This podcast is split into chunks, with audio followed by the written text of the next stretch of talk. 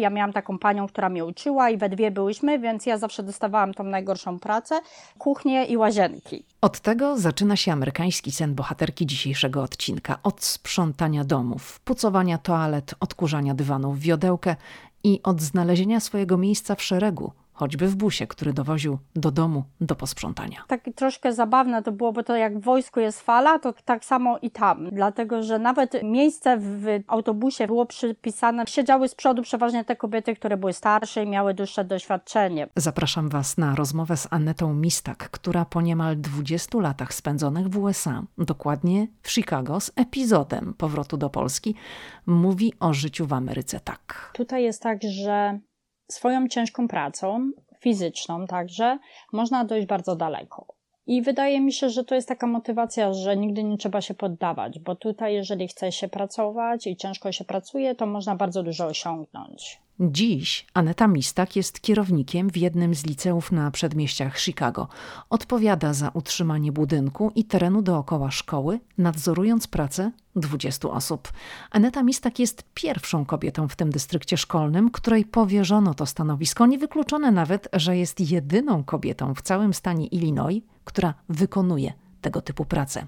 W podcaście moja rozmówczyni opowie o drodze, jaką przeszła, edukacji, dzięki której pieła się coraz wyżej, oraz o planach, ponieważ nie powiedziała jeszcze ostatniego słowa.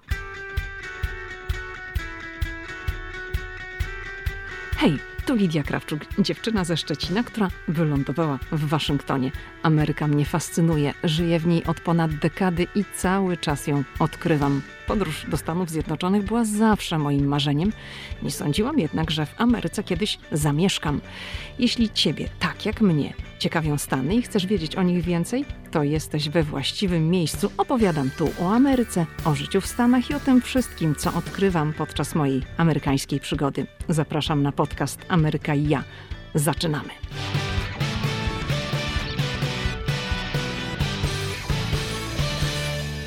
Pani Aneto, bardzo Panią witam w podcaście Ameryka i ja. Dzień dobry, witam. Z tej strony Aneta. Yy, witam z zimnego i mroźnego Chicago. Ile dzisiaj macie stopni w Chicago?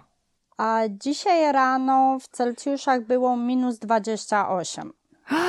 Minus 28 stopni. Matko święta, czy miasto stoi? Jak to w ogóle wygląda? Przy takich temperaturach i tutaj, ponieważ jesteśmy blisko od jeziora, oni tak mają tak zwany efekt jeziora, to po angielsku się nazywa lake effect i to właśnie jest taki, nawet przy temperaturze jak dzisiaj minus 28 stopni, mamy po prostu śnieg, który dużo sypie i mówią, że w ciągu godziny może nawet jedną stopę nasypać. Także miasto nie jest sparaliżowane, wszystko jest normalnie, ale po prostu cały czas oni ostrzegają, żeby nie wychodzić na zewnątrz. Chciałabym, byśmy zaczęły po prostu od samego początku. Jak pani się znalazła w Stanach Zjednoczonych i jakie były te początki w Stanach? Pierwszy raz e, przyleciałam tutaj w 2000 roku na trzymiesięczne wakacje. Byłam wtedy w trzeciej klasie liceum i czekał mnie jeszcze jeden rok liceum w Polsce, w Krakowie, w mieście, z którego pochodzę. Przyleciałam tutaj razem z mamą, z bratem i z ojczymem. Miałam wtedy 18 lat. Pamiętam do dzisiaj, miałyśmy spóźniony lot. To był lot z Chicago, Kraków. On był opóźniony około 6 godzin. Nigdy nie zapomnę tego pierwszego momentu, jak wysiadłyśmy na lotnisku O'Hare tutaj i co było takie zaskakujące, to była trzecia rano, wyszłyśmy z mamą na zewnątrz i taki bardzo uderzający powiew ciepła, razem z tym, że chodziły te takie zraszacze trawy, tak zwane sprinkles, i po prostu ta olbrzymia wilgoć. Temperatura około 28-30 stopni Celsjusza w nocy i wilgotność powietrza, które w Polsce całkowicie niespotykane. Także pamiętam ten pierwszy efekt taki, którego nigdy nie zapomnę. Przyleciałam wtedy na trzy miesiące wakacji. To był taki okres e, zobaczenia, czy będę tutaj lubiała mieszkać i pierwszy raz wtedy na te Ale trzy miesiące... przylatywała Pani do kogoś? Tak, tak. Tutaj jak przyleciałam z mamą, z bratem i z ojczymem, e, mojego ojczyma mama, tutaj babcia, no, mówimy na nią babcia, ona mieszkała. Mieszkała od 20 lat w Chicago, w polskiej dzielnicy, na tak zwanym Jackowie. I ona miała trzypoziomowy dom, z czego mieszkała na samej górze i my zamieszkaliśmy na środkowym piętrze. Specyficzna bardzo okolica, bo to było typowo Jackowo, Dywersy, Zaraz i Polaski, takie ulice przy Minwalkach. I do niej tutaj przylecieliśmy. Mama moja z bratem i z ojczymem zostali na stałe, a ja przez te trzy miesiące przyjechałam tutaj i w tym okresie pracowałam wtedy pamiętam na domkach. Dochodziłam na nogach na Milwaukee i tak zwany zabierał mnie taki auto, e, bus, taki autobus, gdzie było 12 pań. Pamiętam. Zatrzymajmy się na chwilę. Co to znaczy pracować na domkach?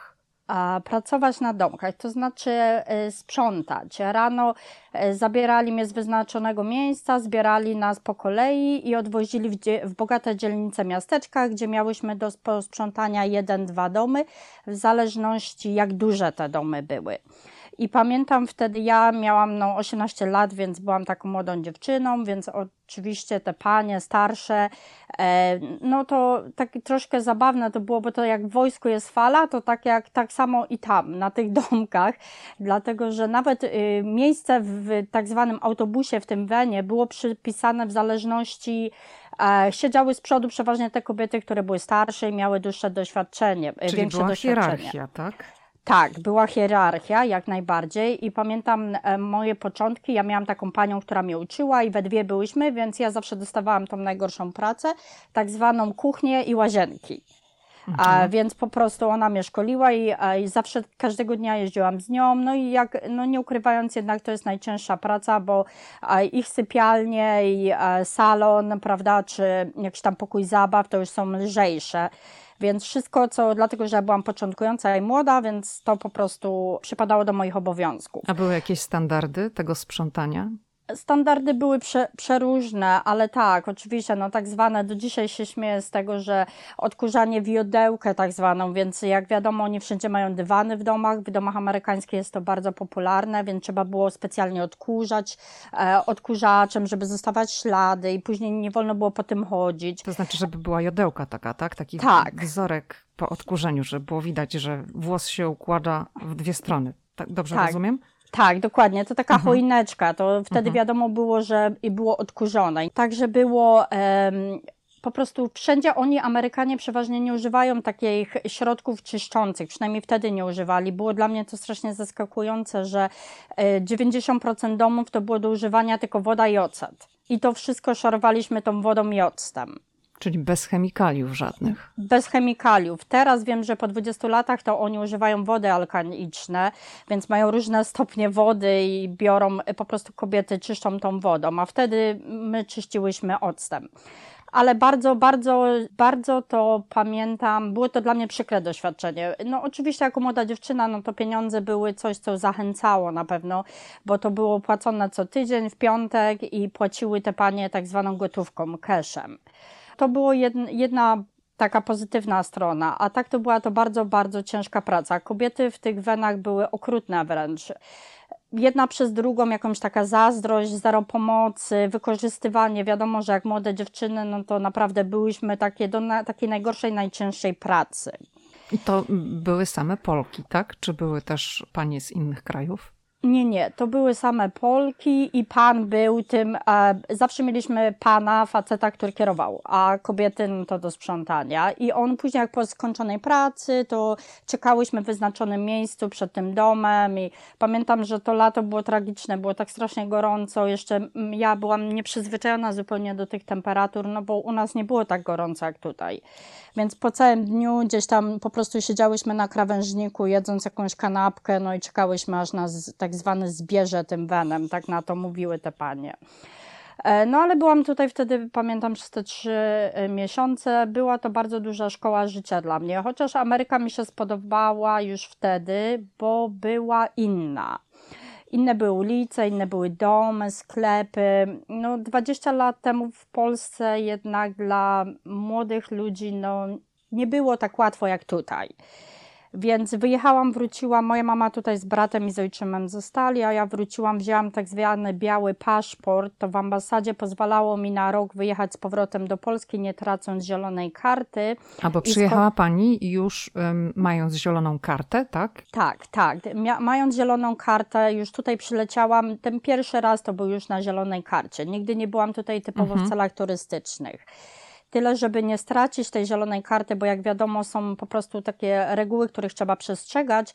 Wykupiłam raz, można zapłacić i wziąć tak zwany biały paszport. Z określonych powodów trzeba przedstawić powody, jakie chcemy być w Polsce dłużej niż 6 miesięcy, bo ten paszport jest na rok. I moim powodem było skończenie liceum, bo to była klasa maturalna, więc chciałam skończyć liceum i wrócić. I to tutaj. był wystarczający powód żeby tak. dostać taki biały paszport. Mhm. Tak, bo tak jak mówię, to jest tylko jednorazowo, wtedy przynajmniej tak było, nie można tego było wziąć drugi czy trzeci raz, tylko raz za to się płaciło opłatę i po prostu jak leciałam do Polski, to miałam swój polski paszport i taki inny paszport oni przysyłali, to był biały paszport. Czyli ta praca, sprzątanie domów, to miała Pani zieloną kartę i to była legalna praca. Mm, ciężko powiedzieć, czy to była legalna praca, dlatego że ta praca nie była w żaden sposób zarejestrowana. To jest tak zwana praca taka na gotówkę, więc ona ani się nie liczy do rozliczania podatków, ani do jakiegoś tam e, kredytów po prostu na emeryturę.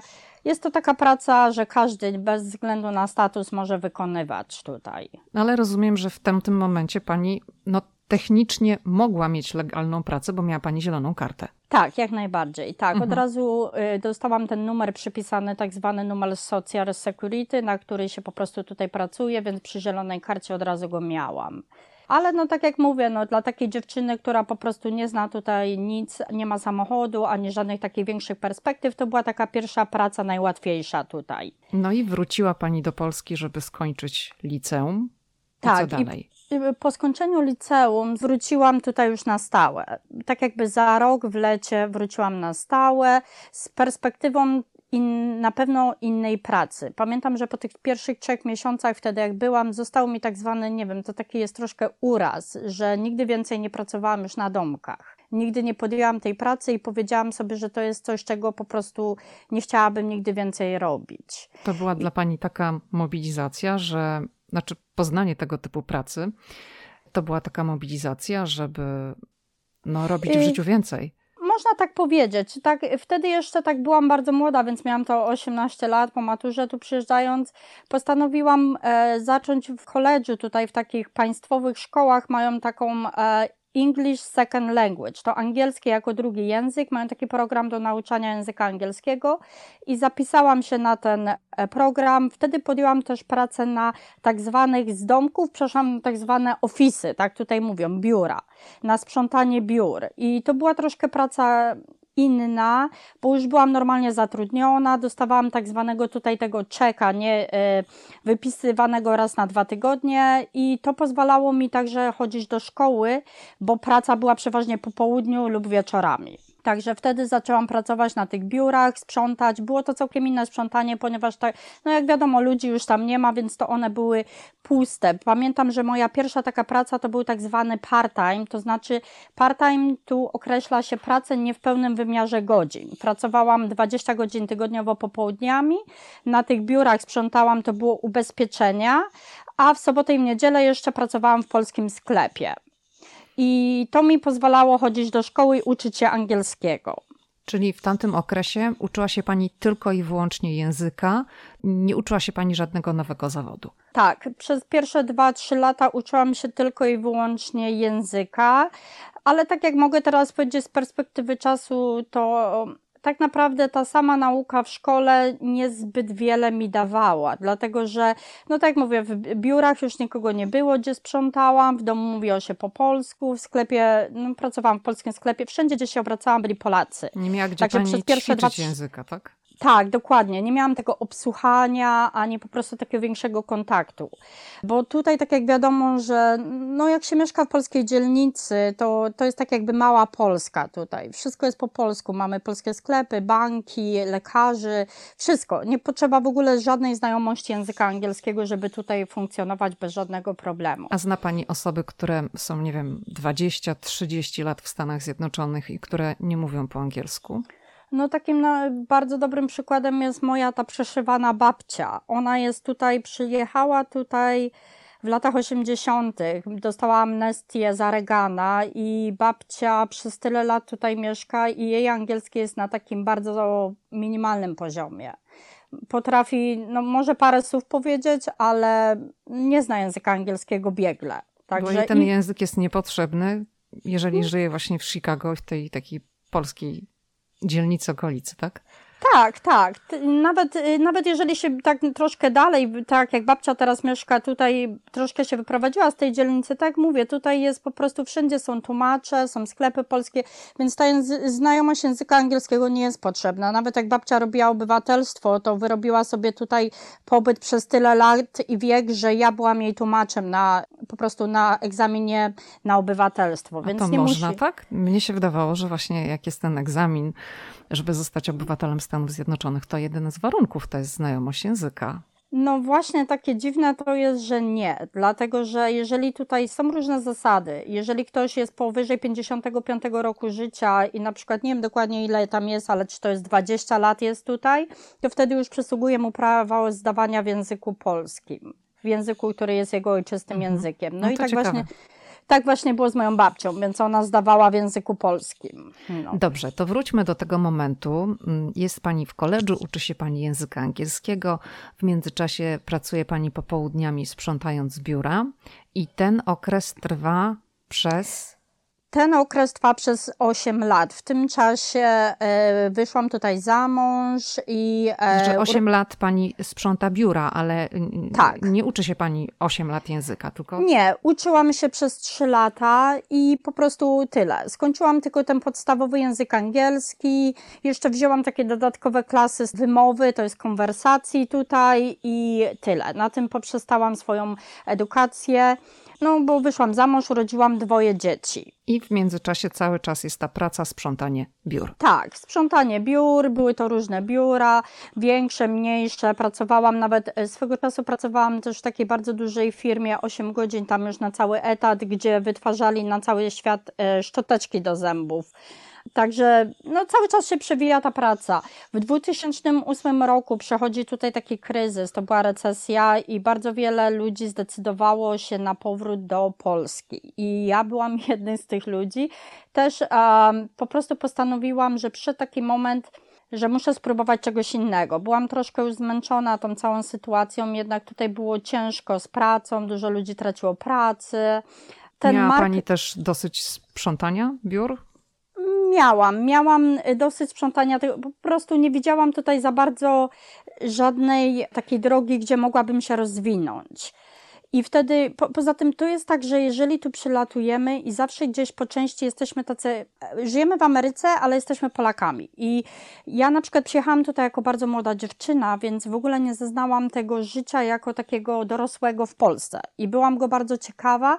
Wtedy tutaj w radiu, w telewizji e, bardzo dużo się mówiło po prostu o tym mieniu przesiedleńczym, to tak zwane, żeby się przesiedlić z powrotem do Polski. I ja na ten program, tak jakby przesie, mienia przesiedleńczego, wyjechałam po prostu z mężem i z dziećmi. Co pani miała w ramach tego programu mienia przesiedleńczego. To mienie przesiedleńcze to pozwalało tak, że można było pojechać do Polski na określonych warunkach, zabrać samochód i kontener. W tym kontenerze były rzeczy, można było wszystko, co się tutaj posiadało, spakować do tego kontenera i wtedy bez, tam były specjalne ulgi podatkowe, przesiedlało się do Polski. Można wtedy to było zrobić tylko raz, teraz wiem, że ludzie robią to częściej. I na tej, na tej właśnie zasadzie sprzedaliśmy tutaj dom, wszystko i wróciłam do Polski. To było w 2008 roku. No i jak pani było w Polsce? W Polsce było się ciężko, na pewno troszkę tak byłam zaskoczona, jak bardzo się wszystko rozwinęło, ponieważ ja pochodzę z dużego miasta, z Krakowa, więc było dla mnie to takie zaskakające, jak się wszystko, po prostu w Polsce była mała Ameryka. Było wszystko to samo, co tutaj ale niestety ta perspektywa pracy i zarobków była inna. Przez y, okres trzech lat, jak byłam w Polsce, pracowałam w dużej firmie, byłam kierownikiem sklepu. Wtedy jeszcze były w, w Polsce sklepy monopolowe otwarte 24 godziny na dobę i byłam jednym, miałam taką jedną lokalizację i pracowałam, byłam tam kierownikiem tym czasie po prostu miałam e, różne takie zawirowania w swoim życiu prywatnym. Rozwiodłam się, wyszłam drugi raz ponownie za mąż i urodziłam córkę w Polsce, gdzie byłam w stanie zrobić jej obywatelstwo amerykańskie i ten numer Social Security, ponieważ ambasada amerykańska przez cały pobyt mój w Polsce i moich dzieci, którzy byli Amerykanami, bo się tutaj urodzili w Ameryce. A pani też miała już obywatelstwo wracając do Polski. Tak, było moim postanowieniem w 2008 roku, że zdałam obywatelstwo, bo bez tego obywatelstwa nie byłabym w stanie wrócić do Polski, e, dlatego żebym straciła tutaj możliwość powrotu. Jak wiadomo, na zielonej karcie zasady są, że można przebywać nie dłużej niż 6 miesięcy poza granicami Stanów Zjednoczonych. Czyli urodzi pani córkę, córka też z nadania, w związku z tym, że pani już ma obywatelstwo amerykańskie, również mimo urodzenia w Polsce otrzymuje amerykańskie obywatelstwo. Tak, tak. Ambasada amerykańska w Krakowie pomogła po prostu mi złożyć wszystkie wymagane dokumenty i córka moja dostała raz w życiu się dostaje taki specjalny certyfikat, oryginał, gdzie została uznana jako obywatel Stanów Zjednoczonych i postanawiam, że wrócimy z powrotem tutaj. Dużo przyłożyło się na pewno to, że w Polsce było bardzo ciężko. Jak urodziłam córkę, nie, nie byłam w stanie wrócić do pracy, ponieważ mój pracodawca w Polsce jest dalej takie przekonanie, że posiadając troje dzieci, nie będę w pełni dyspozycyjna do wykonywania obowiązków pracy i z tego powodu po moim okresie macierzyńskim nie przyjął mnie z powrotem. I nie mogła pani znaleźć pracy. Tak, już było to o wiele, wiele ciężej, także też dostępność żłobku i dla dzieci nie, no nie było już tak łatwo, więc mieliśmy dwa wyjścia. Mąż mój obecny pracował w Norwegii, mieliśmy wyjście takie, aby jechać do Norwegii z nim lub wrócić do Stanów Zjednoczonych ale ponieważ ja już miałam obywatelstwo i znałam tutaj, moja mama tutaj była, babcia i ojczym, było mi łatwiej postanowić decyzję, żeby mojego męża zabrać tutaj. Ambasada w Warszawie pomogła mi złożyć dokumenty i w przeciągu trzech miesięcy dostał on pozwolenie na wylot do Stanów Zjednoczonych. Czy męża trudno było przekonać, czy pani mąż był wcześniej w Ameryce?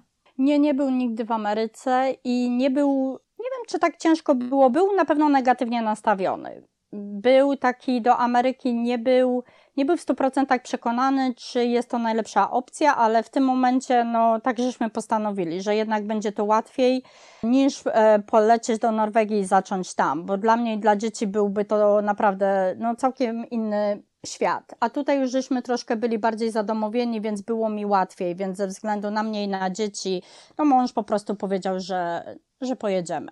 Czyli rozumiem, że wasza rodzina podejmuje decyzję o wyjeździe, macie komplet dokumentów, możecie wszyscy całą rodziną pojechać legalnie. Lądujecie w Chicago, tak?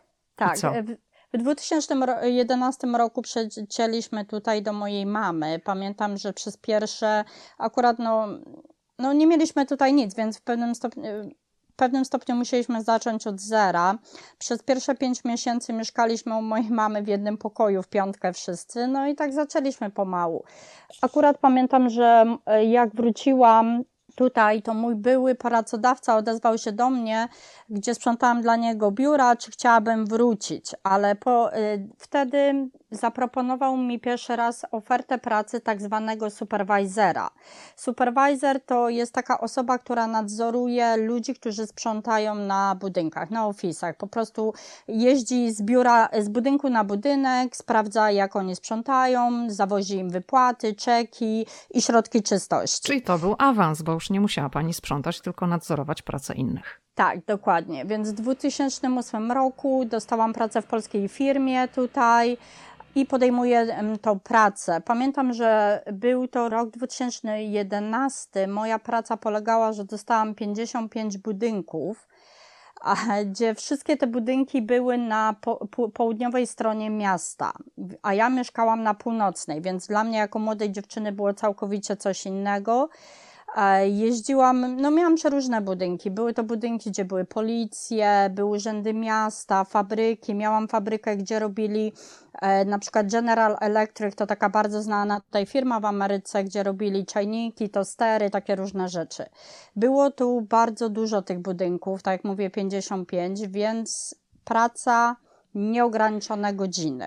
55 budynków do nadzorowania w jakim okresie, przez miesiąc, jak to organizacyjnie wyglądało? To było chyba największe takie wyzwanie, ponieważ było to, no nie jest nikt w stanie przejechać 55 budynków nawet w przeciągu miesiąca, byłoby to ciężko. Więc każdego dnia przyjeżdża, było nas sześć takich kobiet, e, przyjeżdżałyśmy do biura na godzinę piątą codziennie, wtedy otrzymywałyśmy swoje tak zwane complainy, to znaczy się te complainy po polsku to jest coś, kto był m, mm, takie skargi, że na przykład są niezadowoleni, bo jest niedobrze posprzątane, albo coś było niezrobione, albo papiery były niewymienione, więc w pierwszej kolejności kolejności robiłam sobie tak zwaną trasę, wtedy jeszcze GPS-y nie były takie popularne. Mapki sobie robiłam po kolei, gdzie muszę na pewno pojechać. To to było moim tak jakby prioryty, y, pierwszeństwem, że wykonanie tych budynków, na których coś się dzieje. A później, jeżeli miałam jakiś czas, no to jeździłam na inne budynki. Nigdy nie było się ich w stanie objeździć nawet w miesiącu.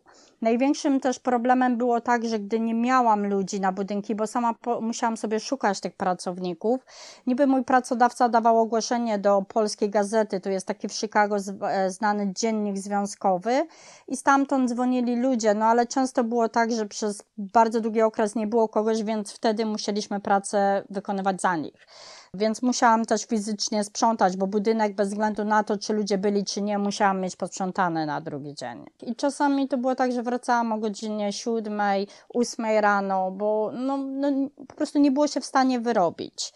Więc jak sobie przeliczę teraz z perspektywy czasu, ile mm, godzin pracowałam, to ta praca niby to był awans, ale taki bardzo ciężki awans, bo nie był zbyt dobrze płatny.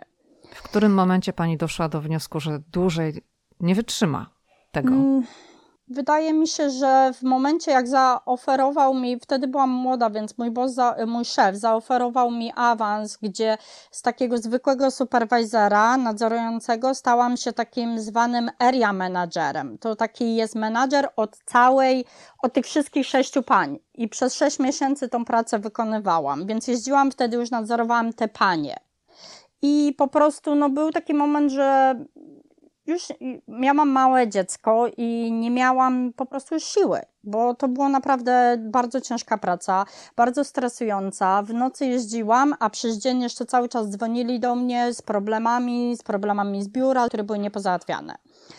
I powiedziałam, że no niestety, ale muszę, no odeszłam, zaczęłam szukać czegoś innego i otworzyła się propozycja dla mnie pracy na lotnisku O'Hare. W tym momencie wróciłam do szkoły, podjęłam e, studia, studia tutaj w koledżu czteroletnie przez internet i częściowo w szkole, ponieważ szkoła, do której chodziłam, zaproponowała mi, że gdy będę w szkole, to mogę przynosić swoją córkę. Oni mają tak zwane przedszkole, tutaj się mówi na to taki daycare, to przedszkole zostawiałam ją i szłam do klasy i później ją odbierałam, więc e, postanowiłam, że w tym momencie odeszłam z tamtej pracy. Z mężem po prostu podjęliśmy decyzję, że muszę coś zrobić, po prostu jakiś inny krok, dlatego że ta praca była bardzo ciężka i wymagała wielu godzin, więc postanowiłam, że wrócę do szkoły i zainwestuję w swoją edukację. I co zaczęła Pani studiować? Wtedy podjęłam dwa kierunki: e, biznes, administrację, księgowość i finanse. Dwa osobne kierunki. I to była tak zwana szkoła, to był college, community college więc taka normalna szkoła tutaj dla wszystkich ludzi przeciętnych nie był to uniwersytet, ale byłam w stanie zrobić w nim 4 lata, gdzie mogłam później um, iść na uniwersytet i skończyć jeszcze wyższe wykształcenie. I poszła e, Pani na uniwersytet? Nie, na początku skończyłam 4 lata tych studiów. W tym czasie moja kariera zaczynała się bardziej rozwijać. Tak jak mówię, przeniosłam się na lotnisko O'Hare gdzie stałam się takim menadżerem od ludzi, którzy w nocy pracowali na tych konkursach, sprzątali, przygotowywali na drugi dzień lotnisko. Czyli była cały to... czas była Pani w, takim, w tym biznesie związanym ze sprzątaniem, ale piastowała Pani coraz wyższe stanowiska. Tak, i były to lepiej płatne i inne, dlatego że każde sprzątanie dla, dla ludzi, którzy tego nigdy w życiu nie robią, wydaje mi się, że jest to to samo. Sprzątanie różni się od sprzątania, bo inaczej się sprząta biura, inne doświadczenie jest całkiem, jak, się, jak pracowałam na lotnisku O'Hare, oni sprzątali samoloty, E, sprzątali, tak jak mówię, właśnie całą tą operację lotniska, więc pierwszy raz widziałam pod spodem, u góry. E, oni mają prywatne kluby dla ludzi zamożnych na lotnisku, więc to było całkiem inne doświadczenie i wtedy pierwszy raz się styknęłam tutaj także z tak zwanymi związkami zawodowymi, bo ludzie, którzy byli zatrudnieni dla mnie na tym lotnisku, mieli związek zawodowy, tak zwaną unię tutaj. I czy to był problem? Nie był to problem, ale były to inne zasady pracy, więc w takim momencie już my musimy stosować nasze zasady, żeby wiedzieć, jak postępować z tymi ludźmi. Nie można wszystkiego powiedzieć, nie wolno się w pewien sposób do nich odzywać, trzeba także różne rzeczy respektować od nich. Oni na przykład muszą mieć specjalne ubranie, muszą być na czas, muszą przestrzegać swoich przerw, nie mogą być na telefonach, także było to inne, całkowicie inne środowisko pracy. Czyli rozumiem, że w porównaniu do poprzednich poprzedniej pracy, gdzie te związki zawodowe nie działały, takich zasad nie było. Tak, tak, dokładnie. Takich zasad nie było, więc także tutaj było całkowicie coś nowego. Moja praca zaczynała się o godzinie 9 wieczorem i kończyłam o 6.30 rano. Co było takie ciekawe, to zajeżdżałam z tyłu lotniska, i e, parkowałam swój samochód i autobus zabierał mnie, gdzie jeździłam przez całą płytę lotniska do swojego tak zwanego konkursu, gdzie mnie wysiadałam i dopiero szłam do biura. Pierwszy raz w życiu wtedy się styknęłam i nauczyłam się, zrobiłam prawo jazdy na wena, którym jeździłam po lotnisku pomiędzy samolotami. Doświadczenie, no po prostu coś niesamowitego, ponieważ ja jechałam, wiozłam ludzi i musiałam ustępywać pierwszeństwo samolotowi, ponieważ on przejeżdżał.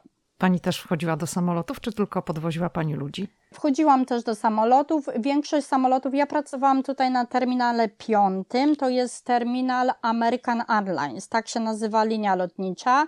To był mój, ale byłam też w stanie podróżować między na przykład międzynarodowym terminalem, gdzie były no, nasze samoloty polskich linii lotniczych, SAS, inne. Także byłam, w większości samolotów siedziałam w środku i widziałam, jak one wyglądają. Jak pani wspomina tę pracę? Bardzo, bardzo z takim bardzo dobrym doświadczeniem, czegoś, czego nigdy w życiu już nie przeżyję na pewno. I mieliśmy, no, na przykład teraz, nawet jak jadę samochodem czasami i no, jest burza, to zawsze sobie przypominam to, że jak na lotnisku była burza, to tak zwane nazywają to ground stop. Wtedy wszystko jest uziemione i wszystkie samoloty można widzieć tylko raz, jak stoją na pasach startowych. Nic nie, nie ląduje i nic nie startuje, więc to jest taki moment, kiedy lotnisko e, kompletnie zamiera.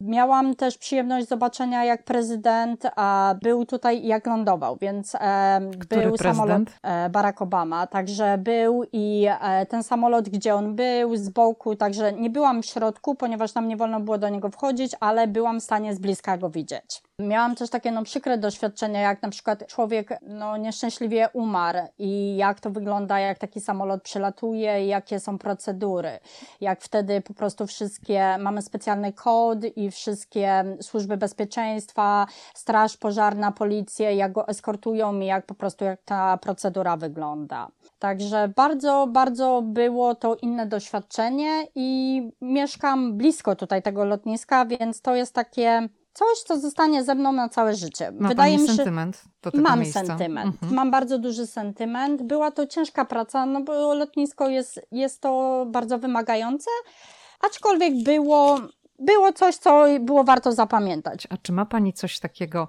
jak Pani jest na tym lotnisku jako pasażer, dokąd leci, to patrzy Pani, czy wszystko jest dobrze posprzątane? Tak, wydaje mi się, że to już tak, to już taki jest nawyk to jest coś, co zostaje, co się patrzy i nawet jak ci ludzie, bo ich widać, prawda, przez dzień, jak chodzą sprzątający, czy takie e, ciekawostki, jak na przykład wiele ludzi nie wie, że czasami mają takie specjalne kluby dla wojskowych, to na przykład jak opowiadam mojemu mężowi, jak to wygląda, to no, zwykli ludzie nie wiedzą tych szczegółów takich z lotniska. Takim efektem ubocznym tej pracy to była ta trzecia zmiana. To wydaje mi się, że po prostu w tym czasie moja córeczka, ona miała chyba trzylatka, więc to był taki etap, że ja chodziłam na noc do pracy, przychodziłam i spałam. W tym czasie ona na przykład y, myła mi talerze w stroju kąpielowym i pół kuchni miałam zalane. Także takie po prostu, no nie jest to takie łatwe. Jest, w Ameryce jest tak, że jest wszystko dostępne, ale jest ta praca, na przykład mój mąż pracował na dzień, ja pracowałam na noc, żeby uniknąć tej drogiej opieki, takiej żłobkowej czy przedszkolnej tutaj, gdzie ona nie jest w ogóle sponsorowana przez państwo, bo jeżeli na przykład chce się pracować obydwoje, e, obydwoje ludzi na dzień, to wtedy e, trzeba sobie płacić przedszkole, gdzie te kwoty są tak wysokie, że to się nie opłaca. Więc my żeśmy zawsze robili tak, że no jedno to jest ponad nas... tysiąc dolarów miesięcznie, prawda? Tak, zależy jeszcze jakie godziny, jakie przedszkole i tak. Więc tak jak mówię, że czasami to się zupełnie nie kalkuluje, bo 50% co się zarobi trzeba wydać na przedszkole. To jeszcze chciałam, chciałam wrócić do tych klubów. To proszę zaspokoić naszą ciekawość i o takim jednym klubie nam powiedzieć to na przykład u siebie na um, terminalu trzecim miałam tak zwane dwa prywatne kluby. To się nazywa Admirals Club.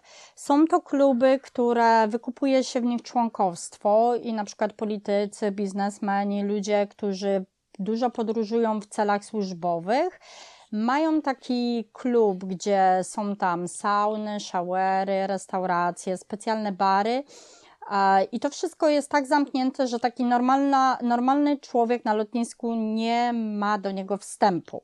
To takie, na przykład takie są kluby dla biznesmenów i na trzecim terminalu jest także klub dla armii, dla na przykład ktoś, kto podróżuje w celach wojskowych, to tam mają taki, to się nazywa specjalny, już nie pamiętam tej nazwy, jest to specjalny klub, gdzie mogą tam e, zostać na przykład pomiędzy swoimi lotami 12 godzin czy 8, śpią, mają na przykład bibliotekę, mają masaże, mają sauny, mają restaurację, wszystko. To jest taki malutki clubhouse w środku lotniska. Jeden jest specjalny dla wojskowych i dwa są specjalne dla biznesmenów, gdzie tak. są to bardzo drogie kluby. Ale rozumiem, że z tych wojskowych klubów to taki członek regularnej armii nie korzysta, tylko ci wyżsi rangą. Yy, nie, tutaj wszyscy korzystają. I tak samo rodziny, na przykład jeżeli ktoś jest, ja, mój mąż jest w armii, to ja mam prawo, mam taką specjalną przepustkę i mam prawo razem z dziećmi korzystać. Jak długo mm, pracowała Pani na lotnisku O'Hare i no, kiedy nastąpił ten moment, że uznała Pani, że czas na kolejny ruch i zmianę kariery zawodowej? Na lotnisku pracowałam około roku i po tym okresie, ze względu na to, że no, było bardzo ciężko pogodzić mi życie domowe z obowiązkami, ze, szczególnie spanie tutaj było największym problemem. Spanie i to, że na lotnisku pracowałam w systemie siedmiodniowym, więc miałam piątki, soboty, pracowałam. Wszystkie święta trzeba było pracować. Był to bardzo ciężki grafik dla kogoś, kto ma rodzinę. I otworzyła się propozycja pracy w szpitalu.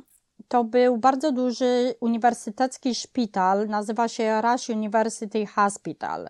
Był bliżej mojego domu, 15 minut tylko jazdy, i tam ta kariera bo tak jak mówię, najpierw były te biura, później pracowałam na lotnisku, całkiem inny typ i teraz e, zaawansowany poziom sprzątania w salach operacyjnych i w pokojach pacjentów. I tam e, po prostu zgłosiłam się, było dosyć dużo kandydatów. Już w tym momencie, jak już tutaj pracowałam na lotnisku, to na internecie mamy cały czas jest taki portal, wtedy był Career Builder i tam się tworzyło swoje resume, CV, prawda, i to było otwarte i aplikowało się na różne pozycje.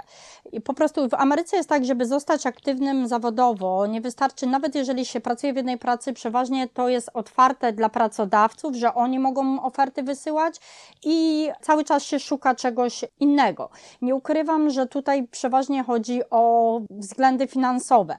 Takie na przykład my, jak pracujemy, pracowałam, robimy na tak zwane salary. To jest tak zwana wypłata roczna. Oni proponują nam roczną pensję, która jest podzielona na 24 pojedyncze wypłaty. Mhm. I w zależności, no wtedy patrzymy po prostu, pierwsze co, to jest na pewno oczywiście względy takie, że chce się zmienić grafik, nie chce się pracować na noc i drugie to już jest e, względy finansowe. W Ameryce przeważnie się nie robi tak, żeby pracowało się na lepszym stanowisku i później się brało mniejsze to, ta, tą wypłatę roczną, bo wtedy to bardzo źle świadczy, że coś jest nie tak, więc stara się po prostu cały czas pomalutku zwiększać, e, że coraz więcej pieniążków się zarabia i niby to jest ta sama funkcja, ale inny rodzaj sprzątania. No i aplikowała Pani? Aplikowałam i byłam... Do pracy do szpitala. Tak, do pracy do szpitala na drugą zmianę. Dostałam budynek, który miał milion square feetów. To było e, jedna z głównych e, wieży tego szpitala, nowa część. Na Czyli pewno milion stóp kwadratowych to tam gdzieś niecałe 100 tysięcy metrów kwadratowych, o ile dobrze przeliczam, tak? Tak. tak. Na pewno inne, całkowicie inne doświadczenie. Tutaj dostałam także y, pracowników, którzy byli pracownikami y, związków zawodowych, całkiem inna junia, inne związki. E, większość z tych ludzi było Afroamerykanami. Z całej swojej, tak jakby ekipy ludzi sprzątających, miałam dwóch pracowników hiszpańskich i resztę to byli Afroamerykanie. Na pewno największą barierą, jaką miałam, to e, język angielski. Było to coś po prostu niesamowitego, jak ciężko było mi ich zrozumieć. Więc stres każdego dnia, jak wracałam do domu, było olbrzymi ze względu tego, żebym wiedziała, co oni do mnie mówią. Mają Musimy tutaj on... jakby wyjaśnić słuchaczom, że Język angielski to jest jedno, ale akcenty i wymowa, tutaj pani wspomina o Afroamerykanach, no to czasem jest bardzo trudno zrozumieć. Tak, właśnie co chciałam powiedzieć, oni mają tak zwany swój taki slang, mówią takim potocznym angielskim. Ich angielski jest bardzo ciężki do zrozumienia, oni tak jakby seplenili, więc było to no, na, naprawdę bardzo duże takie wyzwanie dla mnie, żeby się odnaleźć. Następne to było to, że całkiem inny rodzaj sprzątania. Dla firmy, bo ja tak jakby byłam, pracowałam w tym szpitalu w Rush University, ale byłam zatrudniona dla firmy to jest tak zwana management company. To jest tylko firma taka zajmująca się zarządzaniem ludźmi. Więc ja byłam osobno zatrudniona dla tej firmy, a i my żeśmy zarządzali tymi ludźmi sprzątającymi w tym szpitalu, żeby wszystko było wykonane tak jak potrzeba. I tutaj największy biznes na czymś takim jest, że na przykład ludzie przychodzą na izbę przyjęć z różnych powodów i my musimy jak najszybciej zapewnić im, jeżeli zostają przyjęci, miejsce w szpitalu, tak zwany pokój. Tutaj w Ameryce jest tak, że każdy pacjent ma jedno łóżko w e, pokoju. Bardzo rzadko się zdarza, żeby dwie osoby na jednej sali leżały.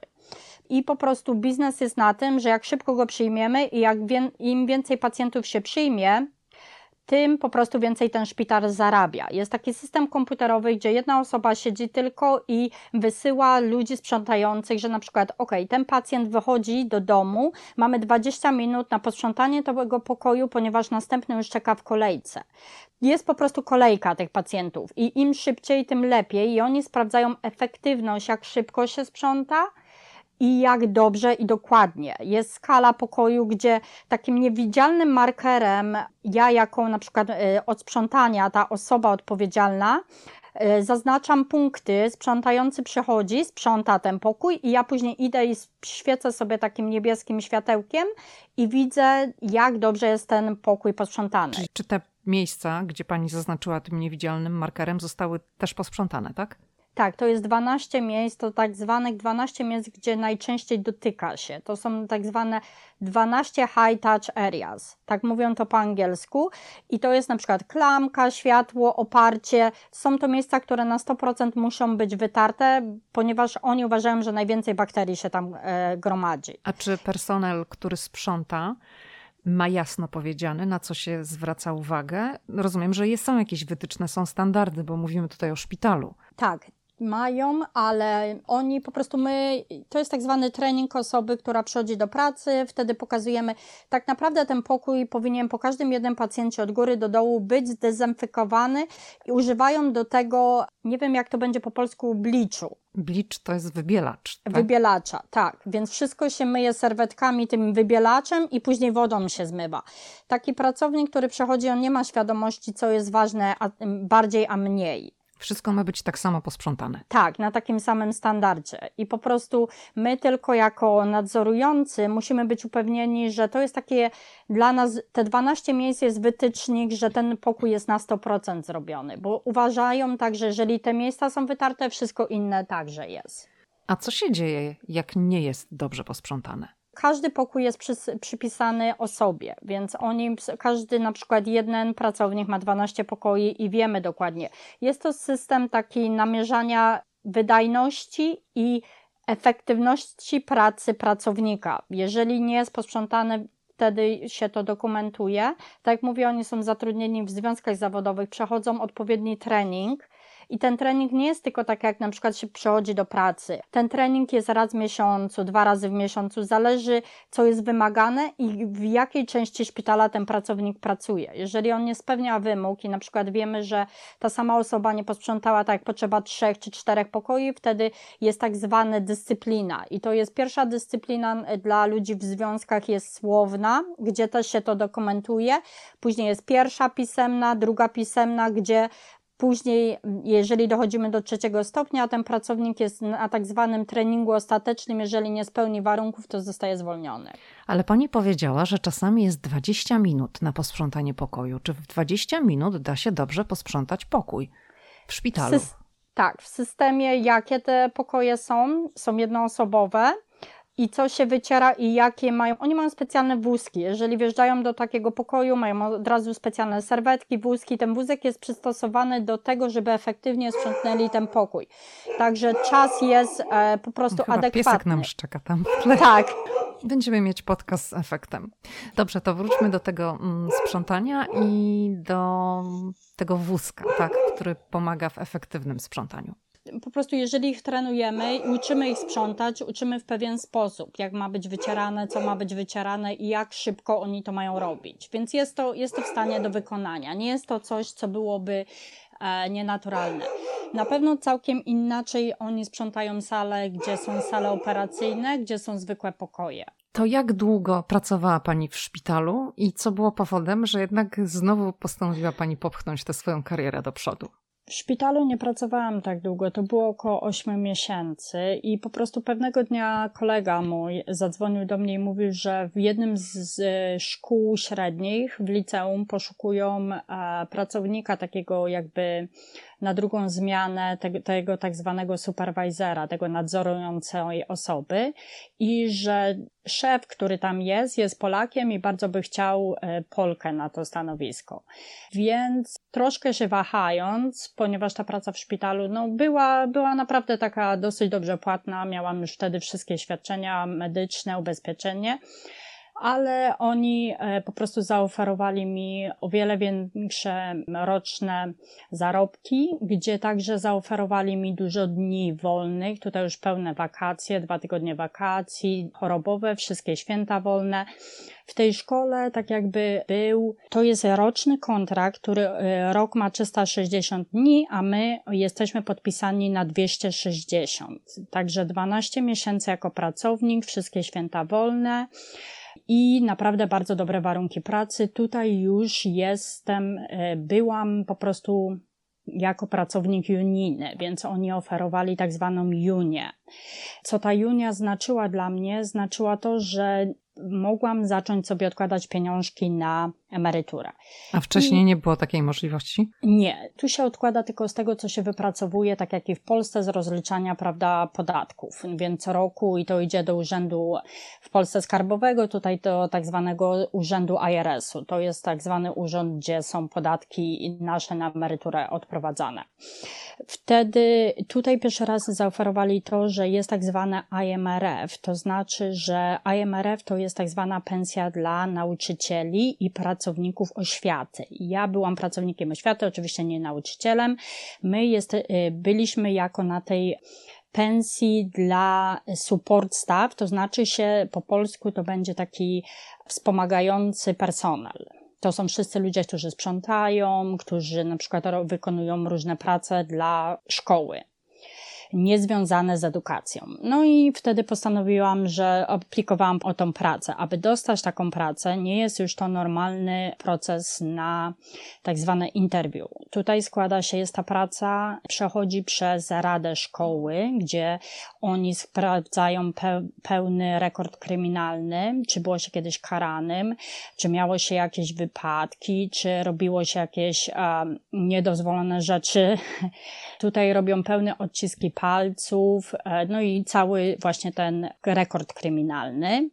Na takie stanowisko przeważnie aplikuje od 10 do 15 osób i jest to cykl interview, więc zaczyna się pierwsze, oni oferują jaka to jest praca, patrzą, zadają przeważnie pięć pytań, później jest następne i żeby dostać taką pracę jest to około pięciu interview tych um, o pracę, gdzie ostatnie jest to największe, gdzie każdy osoba na przykład z działu matematyki, z działu na przykład WF-u, wszędzie te e, siedzą, jest 10 osób i każdy zadaje po dwa pytania i po tym oni podejmują decyzję.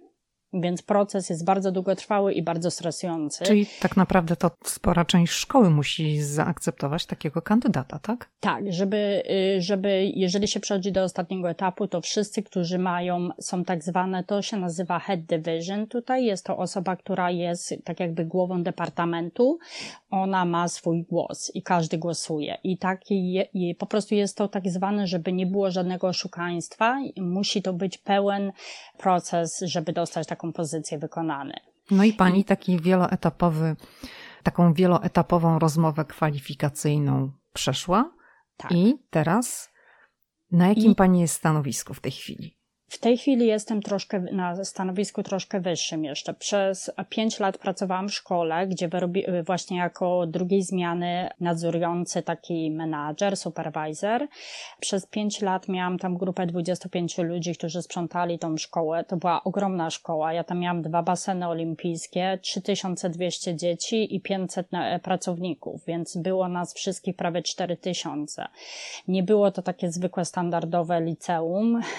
Do jakiego chodziliśmy w Polsce. Była to szkoła bardzo taka zamożna i na bardzo dobrych przedmieściach tutaj w Chicago. To była szkoła prywatna? Nie, to była szkoła państwowa, gdzie tutaj w Ameryce system edukacji polega na tym, że w zależności w której części miasta czy miasteczku mhm. się mieszka, podatki, które się płaci tutaj za swoją nieruchomość idą na szkoły. Także w tamtej okolicy, gdzie ta szkoła była, to dajmy na to, że z jednego domu około 8 do 10 tysięcy dolarów rocznie idzie tylko na tą szkołę. Więc to zależy naprawdę od tego, gdzie się mieszka. Czasami. Dlatego się... ludzie tak bardzo, ludzie, którzy mają dzieci w wieku szkolnym, tak bardzo zwracają uwagę, gdzie mieszkają, jaka to jest dzielnica, bo od Dokładnie. tego zależy właśnie edukacja. Mhm. Tak, i na przykład w takiej szkole, która nie jest standardową szkołą, tam były tam y, programy dla dzieci, gdzie można się było uczyć naprawdę przeróżnych rzeczy, od gotowania po na, y, naprawę samochodów i konstruowania robotów i komputerów. Także jest to, dzieci mają bardzo dużo możliwości. Pracowałam tam przez pięć lat. Była to praca naprawdę bardzo dobrze płatna, z bardzo dobrymi e, świadczeniami wszelakimi od wakacji po darmowe ubezpieczenie medyczne, co jest naprawdę tutaj niespotykane w Ameryce, bo tutaj trzeba płacić za to. W tamtym roku w maju otworzyła się wyższa pozycja w moim dystrykcie, jako na głównym w tej szkole, tak jakby otworzyła się, aby zostać głównym dyrektorem od zarządzania ludźmi, od tak zwanego sprzątania i e, engineering, wszystkich od naprawy. Dwa razy starałam się o tą pozycję, ale z różnych względów, a przede wszystkim z tego, że byłam kobietą, mój dystrykt nie postanowił mnie zatrudnić i zamknęli tą pozycję. Nie zatrudnili nikogo. A skąd pani wie, że powód, że to, że była pani kobietą, to, to była przeszkoda w uzyskaniu Dla... tej pracy? Dlatego, że kiedyś tak nieformalnie moja pani dyrektor, która była moją dyrektorką, tam dyrektorką szkoły, mówiła tak, że po prostu nie wie, czy, czy gdyby się coś działo na, takiego naprawdę strasznego, jakiś tam, nie wiem, byłby pożar, albo woda, albo rura by pęknęła, czy ja jako kobieta byłabym w stanie tego zaradzić, czy mam wystarczającą wiedzę i byłabym w stanie to naprawić. Mhm. Więc tego na pewno. Poza tym jest to praca, y, tutaj praca tak zwanych wszystkich, tutaj na to mówią building in grounds, to znaczy się budynek i tak jakby przedmieść, y, budynek i tereny wokoło, menadżer, supervisor, taką mamy dziwną nazwę. Jest to praca, która, którą wykonują mężczyźni.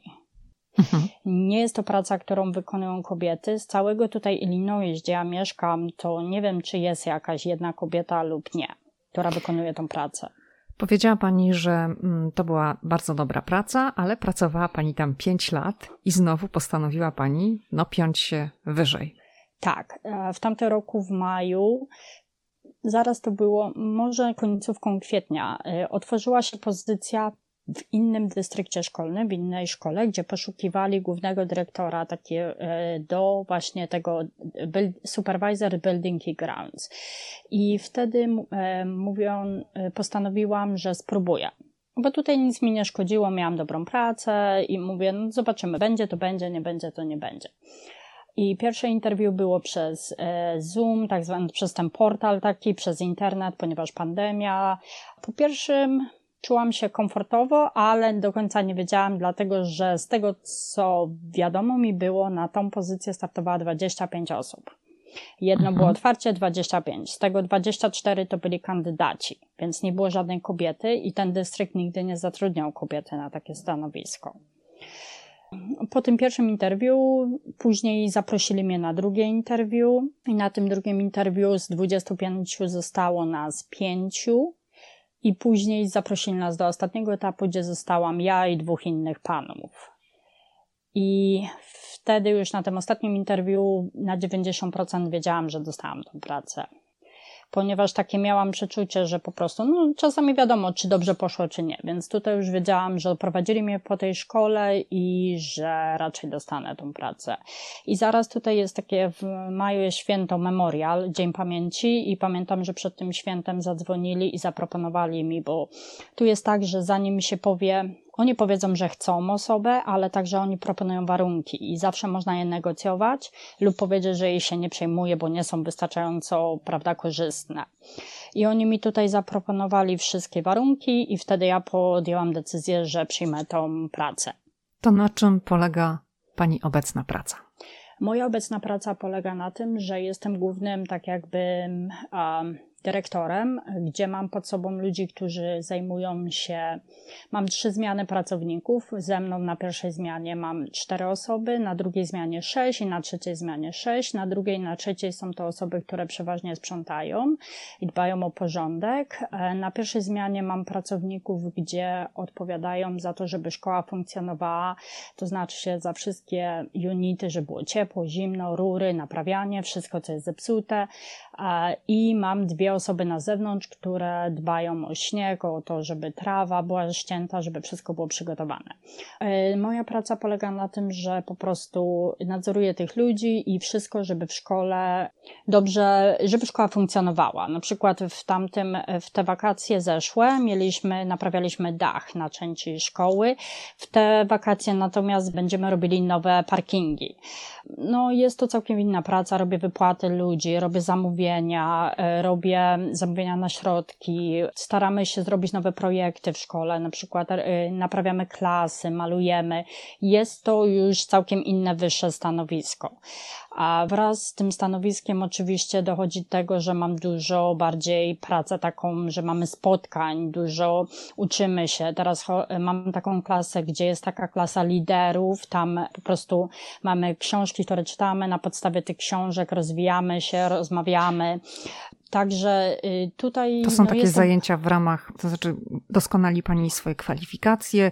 Pani zdecydowała, że Pani chce, czy to jest w ramach mm, pracodawca Nie, to, to, zapewnia? W tym dystrykcie, gdzie pracuję, jest 11 szkół. Jest nas 11 takich osób i mamy głównego dyrektora nad sobą. I on nam wytycza po prostu, że my, i tak samo jak nauczyciele, musimy swój rozwój robić, prawda? Musimy mhm. swój rozwój, nie tyle kwalifikacje kwalifikacjami, to znaczy się, na przykład zrobiłam certyfikację na to, że żeby być operatorem basenu. Co to znaczy? To znaczy, że jestem w stanie wszystkie odczyty, co się dodaje, jak woda i tak dalej. To są moje tak zwane takie doświadczenia, to są takie zwane moje skills, to są moje takie umiejętności. Um, umiejętności, a oprócz tego muszę umiejętności jako lidera, więc to jest tak, y, na moją pozycję składa się umiejętności, które trzeba się nauczyć, które są takie bardziej, na przykład jak się obsługuje y, boilery, gdzie jest ciepła woda, na przykład jak działa basen, plus tego, jak na przykład trzeba zarządzać ludźmi, żeby to było efektywne. Rozumiem, że pani tego fizycznie nie musi robić, robi to kto inny, ale gdyby coś się wydarzyło, to po prostu pani potrafi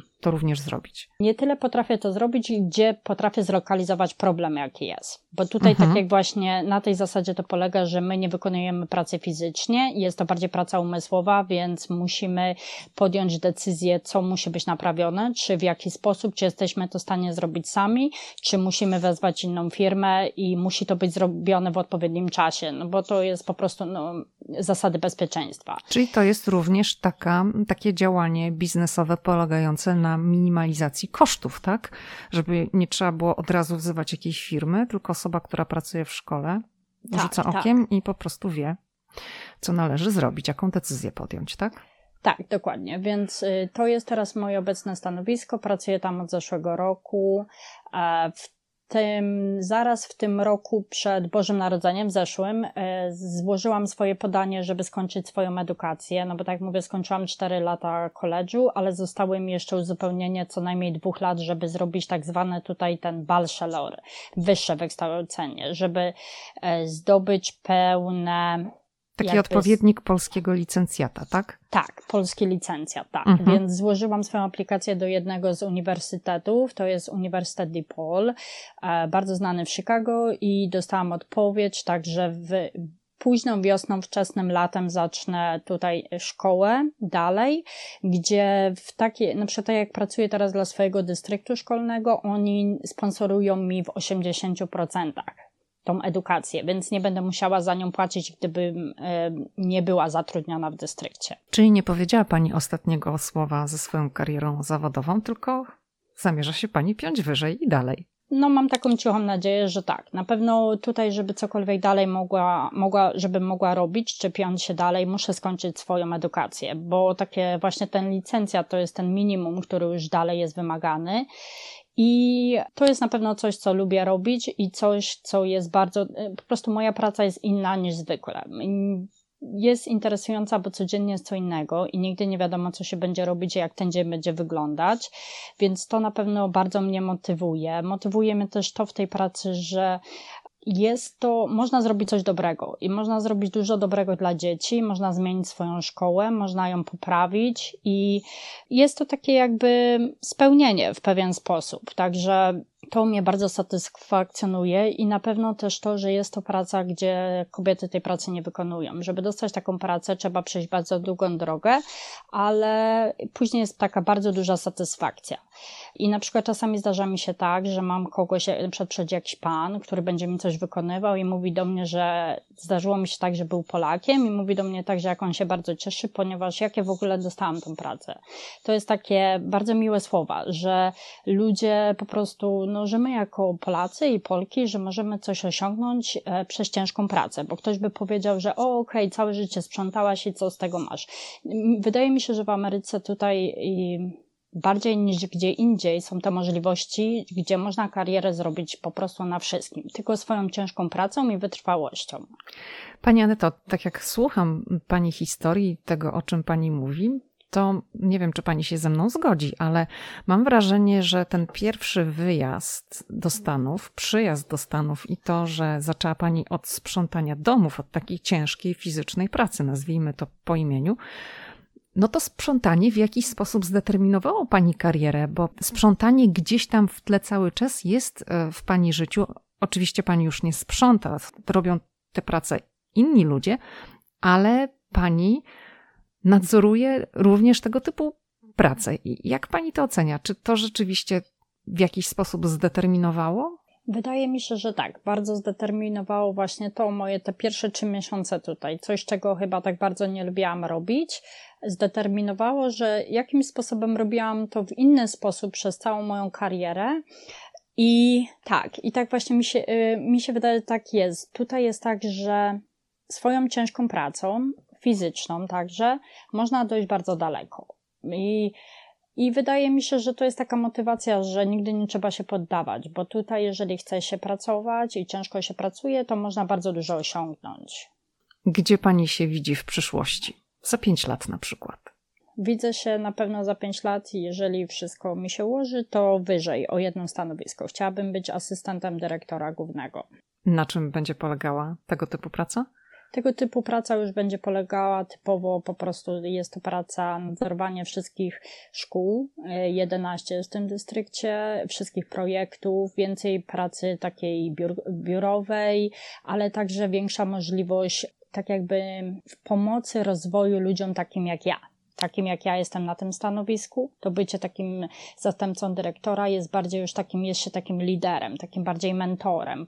Y, pomaga się ludzi naprowadzić, żeby się po prostu rozwijali coraz wyżej. Rozumiem, na tym etapie nie myśli Pani już, by wrócić do Polski, tak jak był ten taki moment zawahania w 2008 roku, że zdecydowała się Pani na powrót do Polski. Nie, nie, w tej chwili już na pewno nie. Już tak e, ukierunkowana jestem, że zostaniemy tutaj. Moje dzieci są coraz starsze i wydaje mi się, że nie widzę siebie ani, ani ja, ani mój mąż tego, żebyśmy mieli jakąkolwiek przyszłość w Polsce. Musiałabym wszystko zaczynać od nowa, gdzie nie byłabym w stanie sobie tego wyobrazić w tym momencie. To jeszcze chciałam tak krótko zapytać o męża, bo mm, powiedziała pani, że przyjechał od razu do Stanów pierwszy raz. No to jak sobie poradził i jak się odnalazł? Na początku y, na pewno było to ciężkie, no bo nie miał tutaj rodziny, ani języka, ani po prostu znajomych, nic. Zostawił wszystko za sobą. Wydaje mi się, że najcięższe było pierwsze pięć lat. Po tych pierwszych lata, pięciu latach jego myślenie się zmieniło, nasza perspektywa, też perspektywa życia, ponieważ kupiliśmy dom, zaczęliśmy bardziej być tacy samodzielni tutaj, więcej zaczęliśmy podróżować, e, mąż znalazł drugą pracę, zmienił i wydaje mi się, że w tym momencie on też sobie nie wyobraża. I ze względu też nie tylko, wydaje mi się, takich finansowych, ale też politycznych, bardziej nie chciałby już wrócić. I z tym wszystkim, co teraz się dzieje w Polsce, wiem, że nie, nie wyobraża sobie tego. Pani Aneto, bo Chicago, no to niektórzy mówią mała Polska. Czy żyje Pani w takiej typowej polskiej społeczności? Nie, nie, nie. Po prostu nadal mówimy w domu po polsku, no, słuchamy polskiego radia, oglądamy polską telewizję, ale czy żyjemy w małej polskiej społeczności? Nie. Wydaje mi się, że w tej takiej polskiej społeczności tutaj żyją tylko ludzie, którzy przyjechali tutaj w latach 80. Reszta ludzi, no może tak początek lat 90., ale my już takie pokolenie moje, w e, tym wieku, w którym jesteśmy, nie. Mimo tego, że na przykład chodzimy, kupujemy w polskich sklepach, ale już coraz bardziej idziemy na takie dalsze przedmieścia, poza to e, Chicago i nie ma już tak bardzo, jak kiedyś było tej takiej społeczności. Nawet już bym powiedziała, że te dzielnice, tej już całej polskiej dzielnicy na Jackowie to już w ogóle tam nie ma, bo to wszystko jest po prostu przez a, populację meksykańską, Spanish, taką bardziej hiszpańską.